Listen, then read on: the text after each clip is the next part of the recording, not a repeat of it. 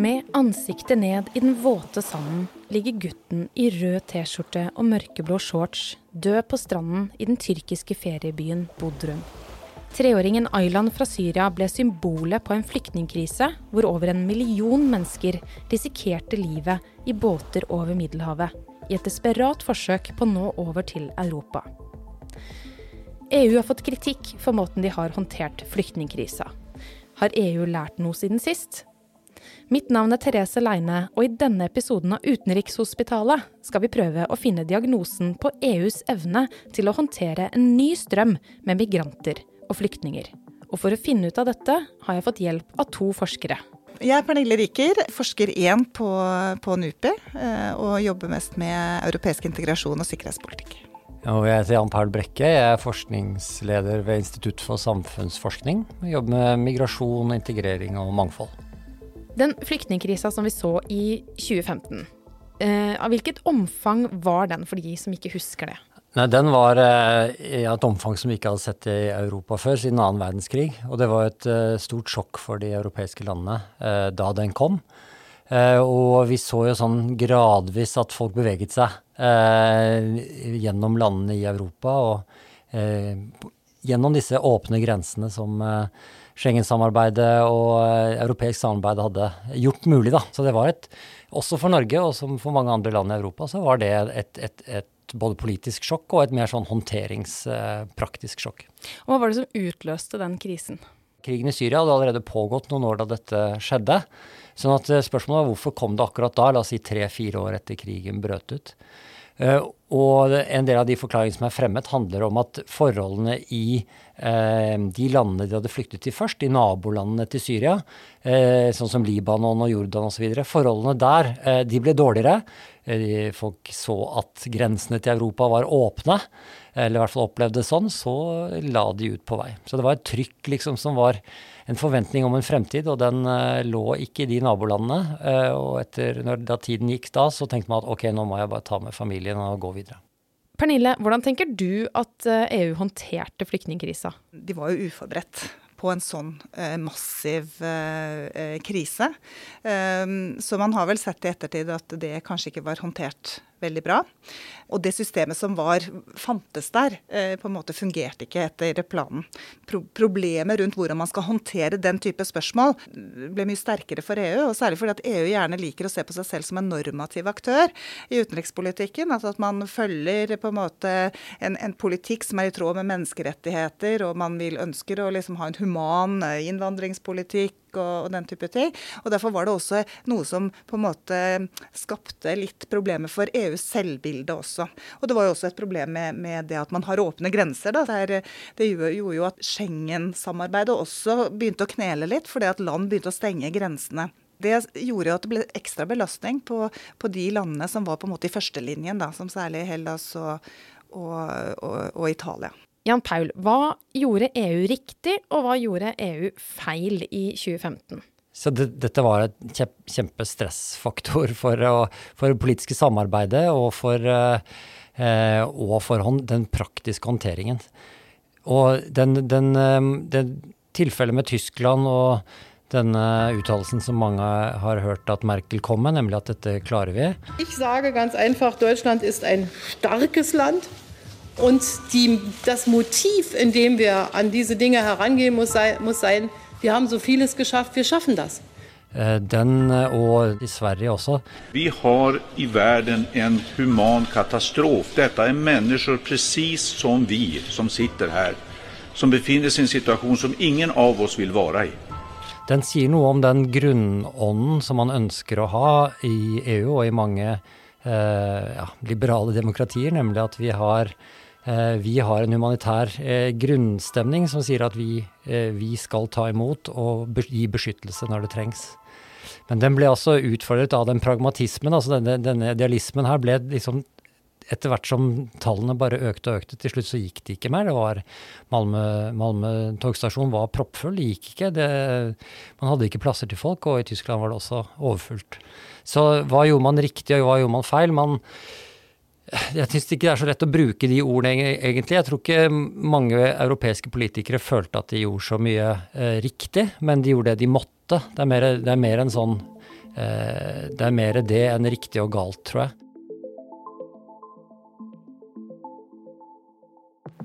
I 2015 kom over 850 000 flyktninger og migranter til Hellas, ifølge Pew Research Center. Dermed var det Hellas, et land som allerede har enorme økonomiske problemer, som måtte håndtere mesteparten av flyktningstrømmen. Behovet for hjelp var enormt, og mange frivillige, kanskje til og med du som hører på, reiste sørover for å ta imot båtflyktningene langs den greske kysten. I Aten, i bydelen Victoria, et tidligere fornemt nabolag som de siste tiårene har fått et relativt dårlig rykte, så finner vi den norske organisasjonen Dråpen i havet. Denne organisasjonen ble starta av den norske fembarnsmora Trude Jacobsen under flyktningkrisen. I dag så jobber Dråpen i havet bl.a. med læring og integrering. Skal vi se? Vi kan eh, begynne her. Her er vårt uh, møterom. Eh, Læreren Hanna Flatland Skeie fra Lørenskog har satt av fire måneder av livet sitt for å gi engelskopplæring for flyktninger og migranter i Aten. Når vi forbereder undervisning eller gjør hva enn annet. Eh, også her har vi eh, klasserommet som i hovedsakelig bytter, eh, bruker til engelsk. Her har vi plass til en, to, tre, til ni elever. Eh, og så har vi ganske enkelt utstyr. Men eh, det funker. Hvordan hvordan lærer man bort engelsk til noen når du ikke kan deres språk? Det er et veldig godt spørsmål.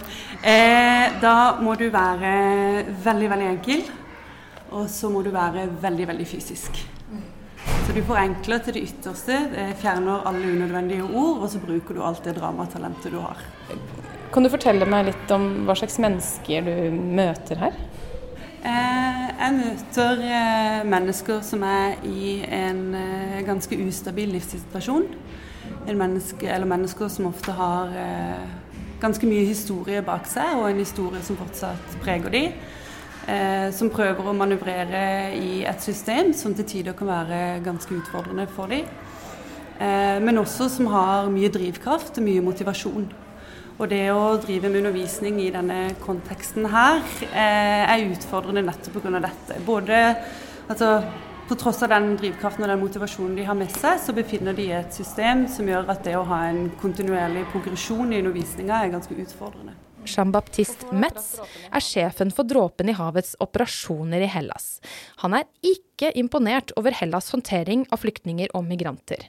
Og spesielt er han opptatt av barna som blir boende i limbo i et usunt miljø. Um, especially if you look at the first reception centers on the islands like Samos and Lesbos, for instance. I mean, now we have a new reception center in uh, in Samos that is like a mega structures um, surrounded by um, um, barbed wire and fences. For children, this is not a safe or a mentally safe environment for them to develop. Not knowing how long they're going to stay over there. Now it seems like on Samos process is, is quite fast still, but yet it's not a healthy environment for child development. Um, so if we can canalize our attention to that, it was not handled uh, properly, not at all. Yeah.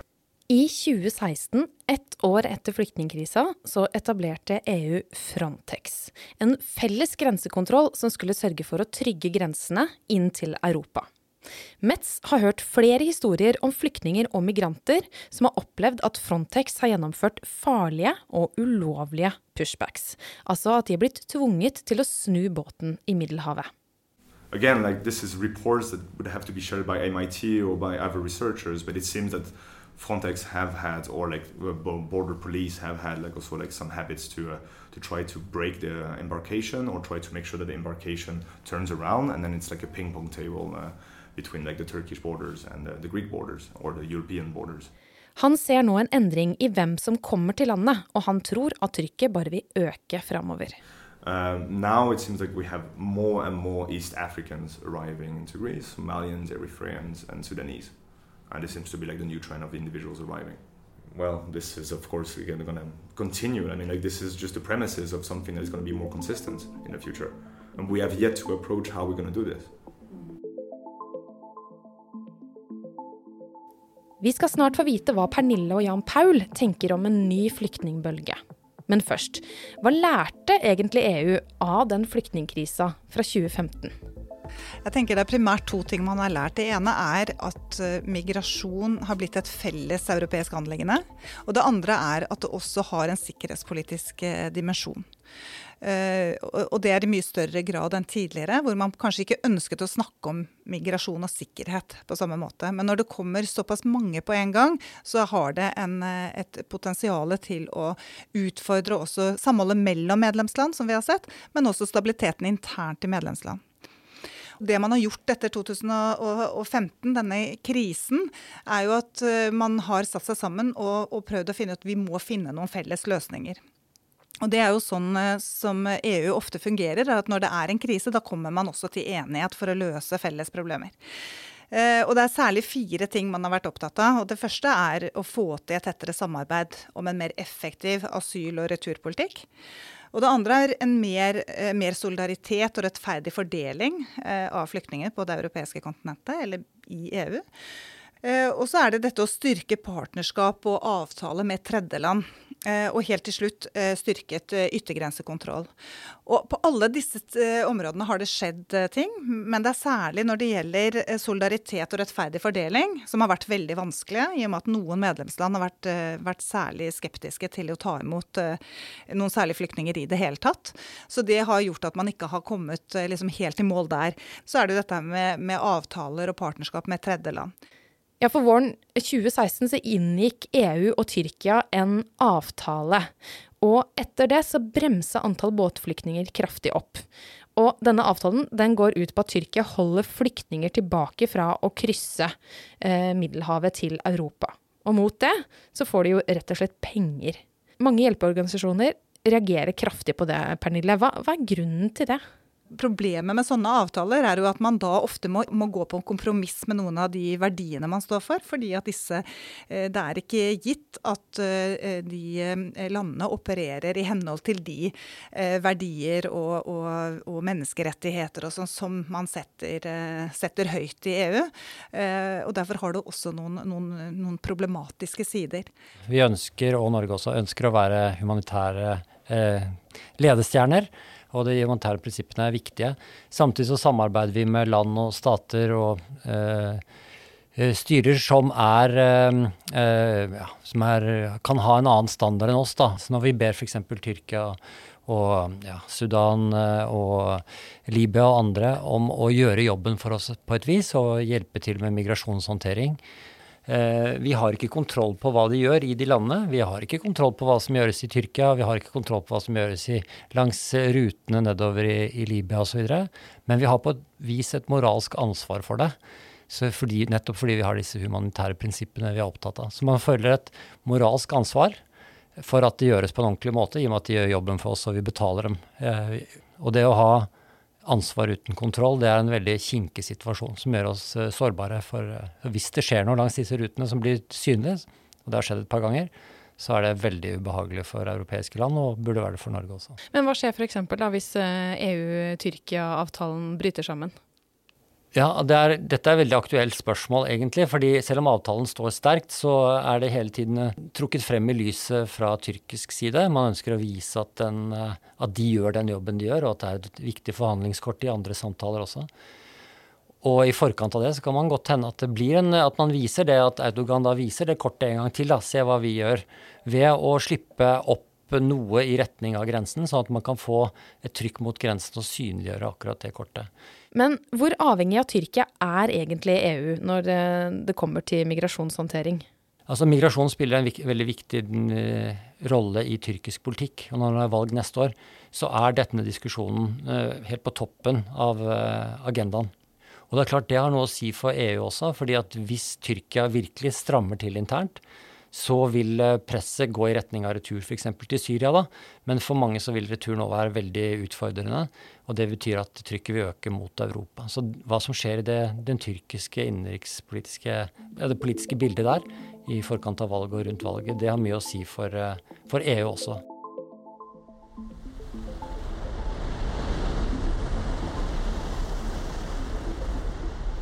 Ifølge FN så har over 740 flyktninger og migranter drukna i Middelhavet på vei til Europa hittil i år.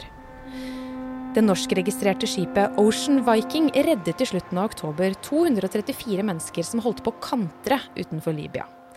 Men så tok det flere uker før de klarte å finne en havn i Europa som lot dem legge til. Både Hellas, Kypros, Malta og Italia nektet å ta dem imot. Og de måtte derfor sette kursen mot Frankrike. Saken førte til det som blir omtalt som den første virkelige diplomatiske krisen mellom Frankrike og Italia. Og det var også en test på hvordan Italias nye ytre høyre-regjering kommer til å håndtere de mange asylsøkerne som kommer via Middelhavet. Et stigende antall båtflyktninger har ført til økt spenning mellom EU-landene. Og i slutten av november så hadde EU et hastemøte hvor de diskuterte hvordan de skal håndtere utfordringene med migrasjon framover. Der ble det vedtatt en handlingsplan med 20 punkter for å håndtere det økende migrasjonstrykket. Ifølge Jan Paul Brekke så har EU slitt med å bli enige om hvordan de skal håndtere migrasjonen samlet. Det har vært et langt løp for å lage et felles eh, system for, eh, på asyl- og innvandringsfeltet egentlig bredt eh, i, i, EU. Og det strekker seg tilbake til midten, slutten av 1990-tallet. Og siden den gang har man vært enige om at her er det smart å ha en felles politikk. Så alle er enige egentlig om det, men man har ikke klart å bli enige om det likevel fordi migrasjon og innvandring og asyl er så eh, nært knyttet til, til nasjonal styring og, og, til nasjonalstaten på et vis, og til den indre dynamikken i hvert land. sånn at det er veldig vanskelig å få eh, befolkningen i alle disse landene som har en veldig forskjellig situasjon og historie, til å bli enige. Så det er, det, Man har ønske om det, ja. Har man fått det til? Nei. Men man men man står virkelig på for å få det til. Og på noen områder har det jo lykkes. Sånn som når det gjelder grensa, grensesamarbeid og sånn, så har man jo kanskje overraskende lykkes overraskende godt. Men akkurat dette med fordeling og byrdefordeling og, og, og det hvem som skal eh, ta imot hvilke andeler av menneskene som kommer til Europa, det har vært veldig tøft. Eh, flyktningstrømmen fra Ukraina ble altså håndtert uh, i hvert fall noe bedre av førstelinjelandene og av EU. Men er det fordi flyktningene kom fra Ukraina, eller er det fordi EU er blitt bedre på håndteringa? Håndteringen av de ukrainske flyktningene, og at den har vært ganske lik i hele EU, det har åpenbart en sammenheng med krigen. Det gjør at man, eh, Her er det folk som har en veldig sånn ren historie når de kommer, og det er lettere for befolkningene i de europeiske landene å se Eh, hvem disse menneskene er, og at de er, har en fluktbakgrunn. Det gjør det også lettere for landene på nasjonalt nivå å ha en felles front og ha en aksept internt i landene sine eh, og bli enige seg imellom at vi gjør det på denne måten. Og så er denne ordningen de har fått, det er en midlertidig kollektiv beskyttelse i hele EU, og også i Norge. Det betyr at eh, det er lite Man kan raskt ta imot, og folk kan raskt komme i arbeid og raskt bli bosatt. Men hvis det blir fred i Ukraina, så skal de i prinsippet hjem igjen dit. Og det har jo også gjort det lettere for landene å ta imot og bli enige om at ok, vi gjør det på denne måten. Det er ikke sikkert det kommer til å koste så mye eller bli så sosialt vanskelig som det kunne blitt hvis man uh, sa at disse menneskene kunne få bli så lenge de ville, uavhengig av om det ble fred eller ikke. Så ordningen har hjulpet til, og det at det er et veldig tydelig, eh, tydelig grunn for hvorfor de kommer til Europa. Eh, det er jo noen land som er mer, mer åpne for å ta imot flyktninger enn andre. Og, og, det har jo vært tradisjonelt de østeuropeiske landene som har vært de som har vært minst villige. Eh, nå har vi jo sett det litt annerledes etter Ukraina-krigen, men det er vel noen grunner til det også, som på en måte eh, De er tross alt berørt av, av dette på en helt annen måte. Og det kan også en, være en, en kulturell dimensjon der, at ukrainer ikke er så forskjellig fra Eh, polakkene selv f.eks., eh, som gjør at det er lettere også å integrere. Og nå er det mye som tyder på at eh, Europa og EU kan stå overfor en ny flyktningkrise med migrasjonsbølge fra sør. Hva er det som tilsier at det kan skje? Det vi ser på når man skal vurdere om det er sannsynlig at det kommer uh, mange i retning Europa, det er jo uh, disse drivkreftene som ligger bak den typen bevegelser. Dvs. Si nød, uh, liten sjanse for en fremtid, at folk opplever det. det kan være naturendringer sånn som tørke osv. Og, så og dårlig politisk styring, eller rene konflikter, kriger, urolige områder. områder preget av geriljakrig f.eks. så de, de, man ser på de kreftene der, og så er det selvfølgelig kontrollen langs ruten som er viktig, og, og EUs eh, og Europas kontroll uh, ut. Så det, det er både denne, dette ønsket om å reise, og så uh, i forhold til de mulighetene man har, ressursene man har til å reise, og de hindringene som er på veien. Mm. Hva tror du? Tror du at vi står overfor en ny bølge med flyktninger? Eller som forsker på dette, så tenker man ikke så mye kommer det til å komme en sånn bølge. Vi følger hele tiden med på det. Vi vet at det er mange med beskyttelsesbehov som befinner seg i transitt eller som har, liksom, har, disse ønskene om å bevege på seg, eller trenger å bevege på seg, eh, for å komme i trygghet. Eh, og det er, eh, det er ikke vært noe høyere eller veldig høye ankomsttall til Hellas f.eks. Tyrkia oppfølger på en måte sin del av denne avtalen og, og, og demper trykket mot Europa. Og også den midtre ruten har ikke sett noen veldig økning, så vi har ikke sett noen tall som ligner på det fra 2015. Men samtidig så har vi konflikter. Vi hadde eh, maktovertagelsen i Afghanistan i august i fjor. Det er eh, urolig i nord i Etiopia, som eh, er i et område hvor mange har tradisjon for å bevege seg. Denne typen konflikter og denne typen situasjoner er sånn man må vurdere da, når det gjelder akkurat dette med med om det kommer til å komme nye grupper og ny, nytt trykk mot Europa. Jeg tenker jo at eh, Det er jo som Jan Paul sier, at det er vanskelig å vite eh, om det vil skje. Og det er vanskelig å vite når det vil skje. Eh, men jeg tror jo sånn som den geopolitiske situasjonen er nå, eh, og, de, og, ikke bare geopolitisk, men også de regionale konfliktene som man har eh, rundt omkring eh, i, i Europas nabo Eh, regioner, så er det jo sannsynlig at, eh, at, det kanskje vil bli flere som ønsker å, flykte, enn at det blir færre. Uh, og så er det jo dette her med på litt lengre sikt, kanskje, det er jo dette med klimakrisen. Og jeg tenker at på en måte temperatur, temper, altså økte temperaturer på det afrikanske kontinentet, vanskelige levekår og så vil også være en drivkraft. Og så er det jo dette med, med disse avtalene EU har med tredjeland. For vi vet jo heller ikke hvor robuste de vil være. Så her sitter jo også ehm, eh, Tyrkia særlig med et de, de, har jo dette som et forhandlingskort. Og vi har jo sett at flyktninger på en måte gren, Åpning og stenging av grensene da, for, for, disse tredjelandene man har avtale med, det kan jo bli brukt eh, så i en politisk eh, spill. Så, så, det er jo også en ting man må ha som kan gjøre at man kan få en sånn ny, ny bølge da, som kan være vanskelig å håndtere, og at mange kommer på en gang. Ehm, det, det er jo ikke helt eh, usannsynlig, sånn som jeg, fra mitt perspektiv. da. Mm. Hvordan vil Norge, som ikke er medlem av EU, men som er medlem av Schengen, påvirkes av en eventuelt ny flyktningkrise i EU? Forholdet mellom Norge og EU på, når det gjelder de rettslige reglene og disse samarbeidsavtalene, det er eh, eh, det er, det er utfordrende på den måten at vi er, eh, vi er medlemmer, vi er berørt av alle disse reglene fordi nabolandene har dem. Og så har vi formelt undertegnet en del av dem. Så Schengen-samarbeidet er vi med, Dublin er vi med. Vi, er med, vi har vært med å utfordre med et sånt returdirektiv for den delen av politikken. Så vi er indirekte egentlig låst veldig tett opp til EU på dette feltet. Og vi blir berørt av eh, det de gjør. I praksis er det, uavhengig av hvem som er eller styrende myndighet i Norge, uavhengig av hvilket parti eller partier som har regjeringsmakt, så, så er re, hovedregelen på feltet at vi gjør det de andre EU-landene gjør, og forsøker å stikke oss minst mulig ut. Som Utenrikshospitalet så skal vi jo prøve å diagnostisere verden eh, litt av gangen. Eh, hva vil eh, dere, Pernille og Jan Paul, si er diagnosen for EU i dette tilfellet? Er EU bedre rusta til å håndtere en eventuelt ny flyktningkrise? Altså, I hvert fall fra, fra mitt ståsted så tenker jeg at EU jo, blir jo bedre og bedre på å håndtere kriser etter hvert som de har vært gjennom krisene. Det er i hvert fall sånn vi ser fra litteraturen på alle typer kriser. Og jeg vil tro at dette kan Jan Perl si litt mer om i detalj, men at, at også denne krisen har jo gjort ført til at man har etablert en del nye prosedyrer, og at man er bedre forberedt. Men så er det jo en del som gjenstår. Og man har jo sett at man håndterte Ukraina-krisen bedre. Og kan du si at det er mange, kanskje mange grunner til det, men, eh, eller Ukraina-krisen med flyktningkomponenten eh, av denne krisen. Da. Eh, og det er mange grunner til, men jeg tror allikevel det er det, det på en måte går gradvis lag på lag, at man blir, blir bedre rustet til å, til å håndtere krisene. Så nei, jeg vet ikke om du er enig i det? Jeg ser uh, Ukraina-situasjonen nå, uh, og EU-landenes respons med å gi en samme type kollektivt opphold til ukrainere som kommer.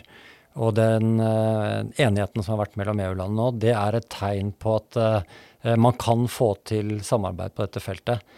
Det har brakt de østeuropeiske landene inn i, i en sånn de har innsett at de har også interesse av felles løsninger på feltet. Så på den måten så er det, et, er det, et, eksempel de kan ta med seg videre, og som jeg tror kan ha positiv virkning for videre samarbeid på feltet. Og med det så skal vi runde av denne episoden av Utenrikshospitalet. Tusen takk til Pernille Riker, forsker 1 ved NUPI, og Jan Paul Brekke fra Institutt for samfunnsforskning. Hvis du vil høre mer fra oss, så søker du oss opp der du hører podkast, og trykker på abonner. Sjekk også ut de to andre podkastseriene våre, The World Stage og Hvor hender det? Vi høres!